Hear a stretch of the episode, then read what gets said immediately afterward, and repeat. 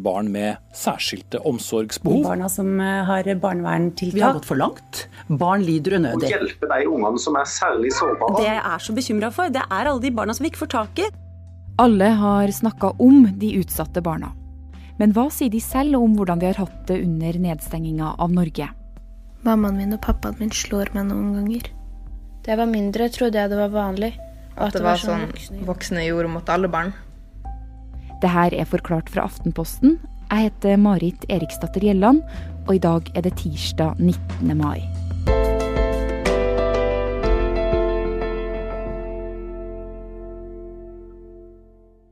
Nesten alt stengte fra 12. mars.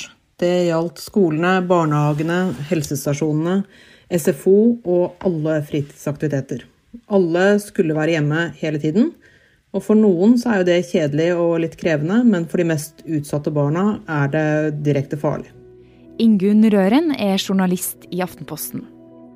For de mest utsatte barna så betydde jo dette at de skulle være hjemme døgnet rundt sammen med en eller flere personer som utsetter dem for vold eller overgrep eller trusler. Og der de samme barna vanligvis får noen timer i trygghet når de er i barnehagen eller på skolen, så var det ingen pauser i det hele tatt etter at Norge stengte. Ingunn, hvem er det som regnes som utsatte barn? De utsatte barna er kort forklart de som bor i hjem som ikke er trygge. Og det kan være foreldre som drikker eller ruser seg på andre ting. Det kan være barn som utsettes for vold fra egne foreldre. Det kan være barn som blir utsatt for seksuelle overgrep. I noen tilfeller fra foreldre, i andre tilfeller fra eldre søsken. Det kan være barn som har foreldre som har store psykiske problemer. Og det kan være barn med foreldre som rett og slett ikke klarer å være foreldre på en god måte. Og de her barna har i det siste vært nødt til å ta kontakt med andre som kan hjelpe dem. Det er bråk mellom meg og foreldrene mine hele tida. Mammaen min og pappaen min slår meg noen ganger. Flere har ringt eller chatta anonymt med Røde Kors, Alarmtelefonen, Kirkens SOS og Blå Kors. Alle er bare sint. Da jeg var mindre, trodde jeg det var vanlig. At det var sånn voksne gjorde mot alle barn. Nå er begge foreldrene mine hjemme hele tiden. Og da blir det verre. For da drikker de masse. I denne episoden er det skuespillere som leser, men det du hører, kommer fra ekte samtaler med norske barn. Jeg vet egentlig ikke hvordan det er å føle seg trygg. Det var veldig mange voksne eksperter som snakket om alle de utsatte barna og hvor bekymret de var for de barna. Og da ønsket vi å rett og slett få inn barnas stemme. Og nå kunne vi jo ikke intervjue de barna direkte. Men vi tenkte at det måtte finnes en annen måte å få høre hva barna selv forteller om hvordan de har det hjemme. Så vi kontaktet de fleste hjelpetjenestene som har enten en telefon som barna kan ringe inn til, eller en chattetjeneste. Og så spurte vi om å få anonymiserte versjoner av loggene fra de samtalene de har fått inn etter 12. mars. De siste ukene føles det ut som alt har blitt mye mer vanskelig. Om nettene så ligger jeg bare i senga og tenker på hvor mye jeg har lyst til å dø. Og hva er det de her loggene viser? De forteller om barn som har det veldig veldig vanskelig, og som har fått det vanskeligere etter at alle tilbud rundt dem ble stengt. De viser barn som sier at de har blitt slått, og at de er redde for å bli slått igjen. De viser barn som, særlig en del ungdom, som har selvmordstanker eller driver med selvskading. Og det er langt flere enn før som melder fra om akkurat det. Og det er også barn som er redde fordi de voksne i huset er veldig fulle eller veldig rusa. Jeg må bare spørre deg, altså, Ingunn. Hva tenker du da når du leser de her loggene? Jeg tenker at dette er vel kanskje de som betaler den aller høyeste prisen for at vi er isolert pga. smittevernhensyn. Fordi dette er barn som har det vanskelig fra før, og som nå blir plassert i en enda mer intens og sårbar situasjon. Det er jo fra barn som er fortvila og redde. Det som går igjen, er at veldig mange av henvendelsene kommer sent på kvelden. Noen kommer langt på natten, lenge etter at barn skulle ha vært i seng. Og det er fordi at barna venter til de voksne i huset har sovnet før de tør å ringe, eller før de tør å chatte. Og de gjemmer seg når de chatter, sånn at ingen skal få med seg hva de formidler til de ansatte på hjelpetelefonen. Og mange av dem er bekymra for yngre søsken, hvis det er veldig kaotisk hjemme med mye fyll og mye krangling og vold. Så er det mange av disse barna som også må ta ansvar for yngre søsken, og er veldig bekymra for hva, hva, dette vil gjøre med, med søsknene. Og så er det flere som har fortalt nå at de har prøvd å dekke over for familien i lang tid, og prøvd å skjule hvor ille ting er hjemme. Og nå under isolasjonen så har alt eskalert, så nå klarer de ikke mer. Nå vurderer de selv å ta kontakt med barnevernet for å si ifra hvor ille det er. Fra koronatiltakene ble innført midt i mars og til starten av mai, har hjelpetjenestene for barn fått over 15 000 henvendelser. F.eks. har nesten fire ganger så mange tatt kontakt med alarmtelefonen under koronaen som i samme periode i fjor. Det som alle sier, er at av de 15 000 henvendelsene de har fått siden 12. mars, så er innholdet i de henvendelsene mye mer alvorlig enn før. Vi er straks tilbake. Ingunn, hvordan har henvendelser fra barn og unge til alarmtjenestene endra seg etter at koronatiltakene ble innført? Det har blitt langt flere henvendelser. Og det som går igjen hos alle hjelpetjenestene, enten de tar imot telefoner eller chatter fra barn, er at det barna forteller om, er blitt mye mer alvorlig. Og det handler om at det er blitt mye, mye mer stress hjemme. Det er foreldre som kanskje er fortvila fordi de er permittert fra jobben, de er bekymra for økonomien. Og så får de litt kortere lunte, og så blir det flere situasjoner som blir vanskelige. Og andre barn forteller at nå som foreldrene er hjemme hele tiden, så drikker de mye mer enn de pleier, så alt blir vanskeligere for det barnet. Du har jo snakka med flere av dem som jobber på alarmsentralene, og hva det de sier er det vanskeligste? Altså De som jobber på, hos Alarmsentralen, det er folk som har lang erfaring i å håndtere utsatte barn og unge. Det er barnevernsansatte. Og det de sier, er at de samtalene de har fått til nå den siste tiden, det gjør dypt inntrykk på dem. Og aller, altså disse samtalene de er anonyme, de kan ikke spores, så det er helt opp til barnet om barnet vil fortelle hva de heter. Og det er det mange barn som er for redde til å gjøre. Og selv om det de forteller, det viser at det barnet er i en situasjon som gjør at de trenger akutt hjelp, og likevel så får ikke de som svarer på telefonen, gitt dem den hjelpen så lenge de ikke vet hvem barnet er. Så de prøver det de kan å få barnet til å fortelle hva de heter, eller hvilken skole de går på, eller andre ting. Men når barnet da ikke tør å gjøre det, så er det begrenset hva de kan få gjort av konkrete hjelpetiltak. Hvis barnet sier hvem de er, så sender alarmtelefonen en henvendelse til barnevernsvakten eller politiet umiddelbart hvis det er så akutt at det er behov for det. Det høres veldig håpløst ut?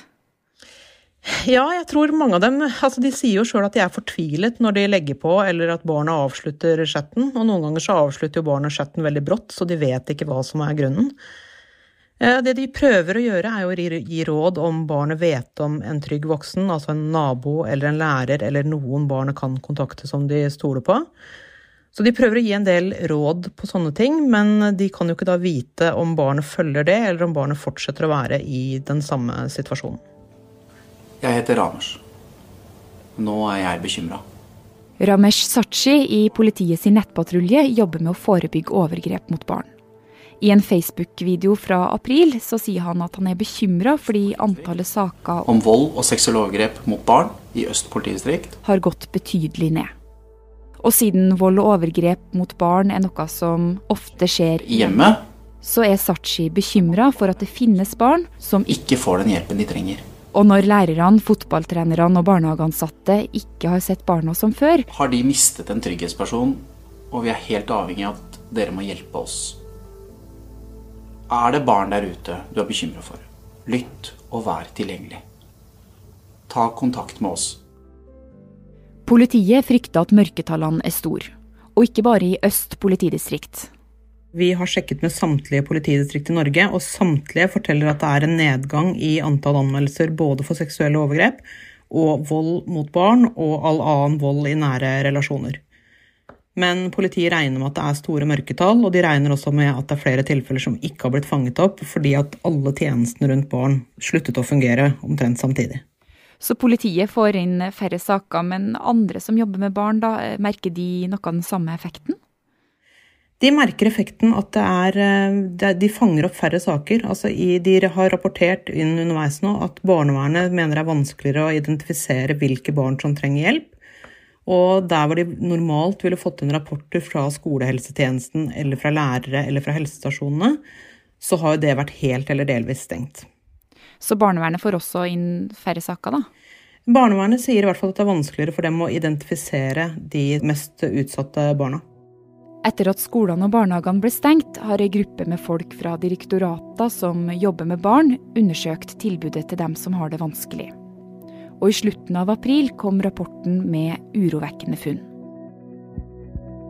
Den rapporten fra regjeringens koordineringsgruppe den slår fast at overdrevne smittetiltak kan ha fått alvorlige konsekvenser for utsatte barn og unge.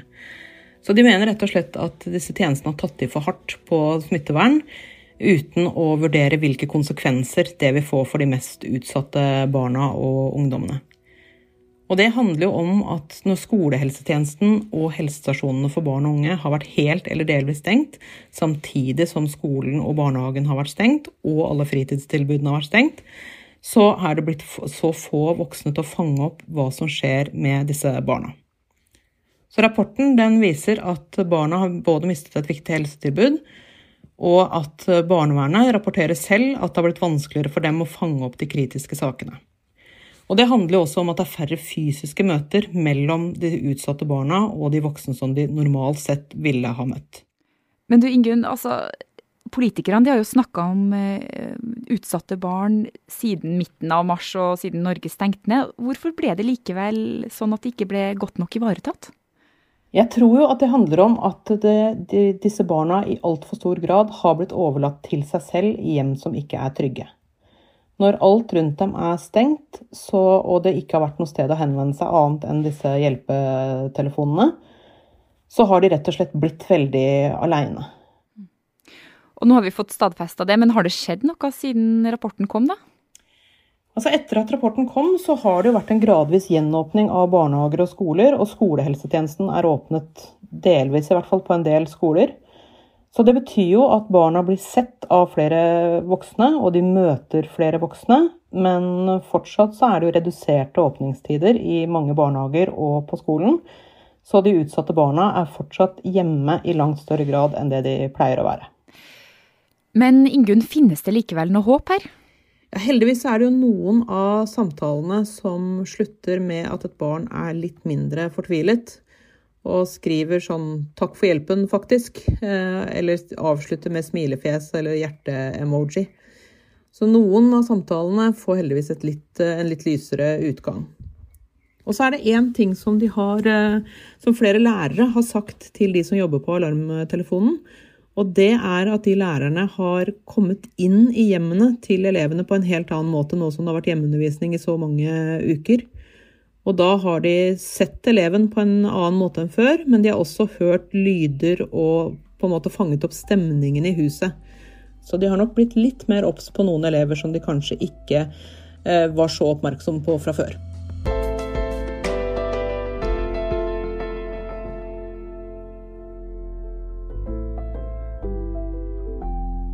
Sitater fra chatteloggene er spilt inn av elever i andre klasse på musikk- og dramalinja ved Heggen videregående skole og ungdomsskuespillere ved Stabekk teater.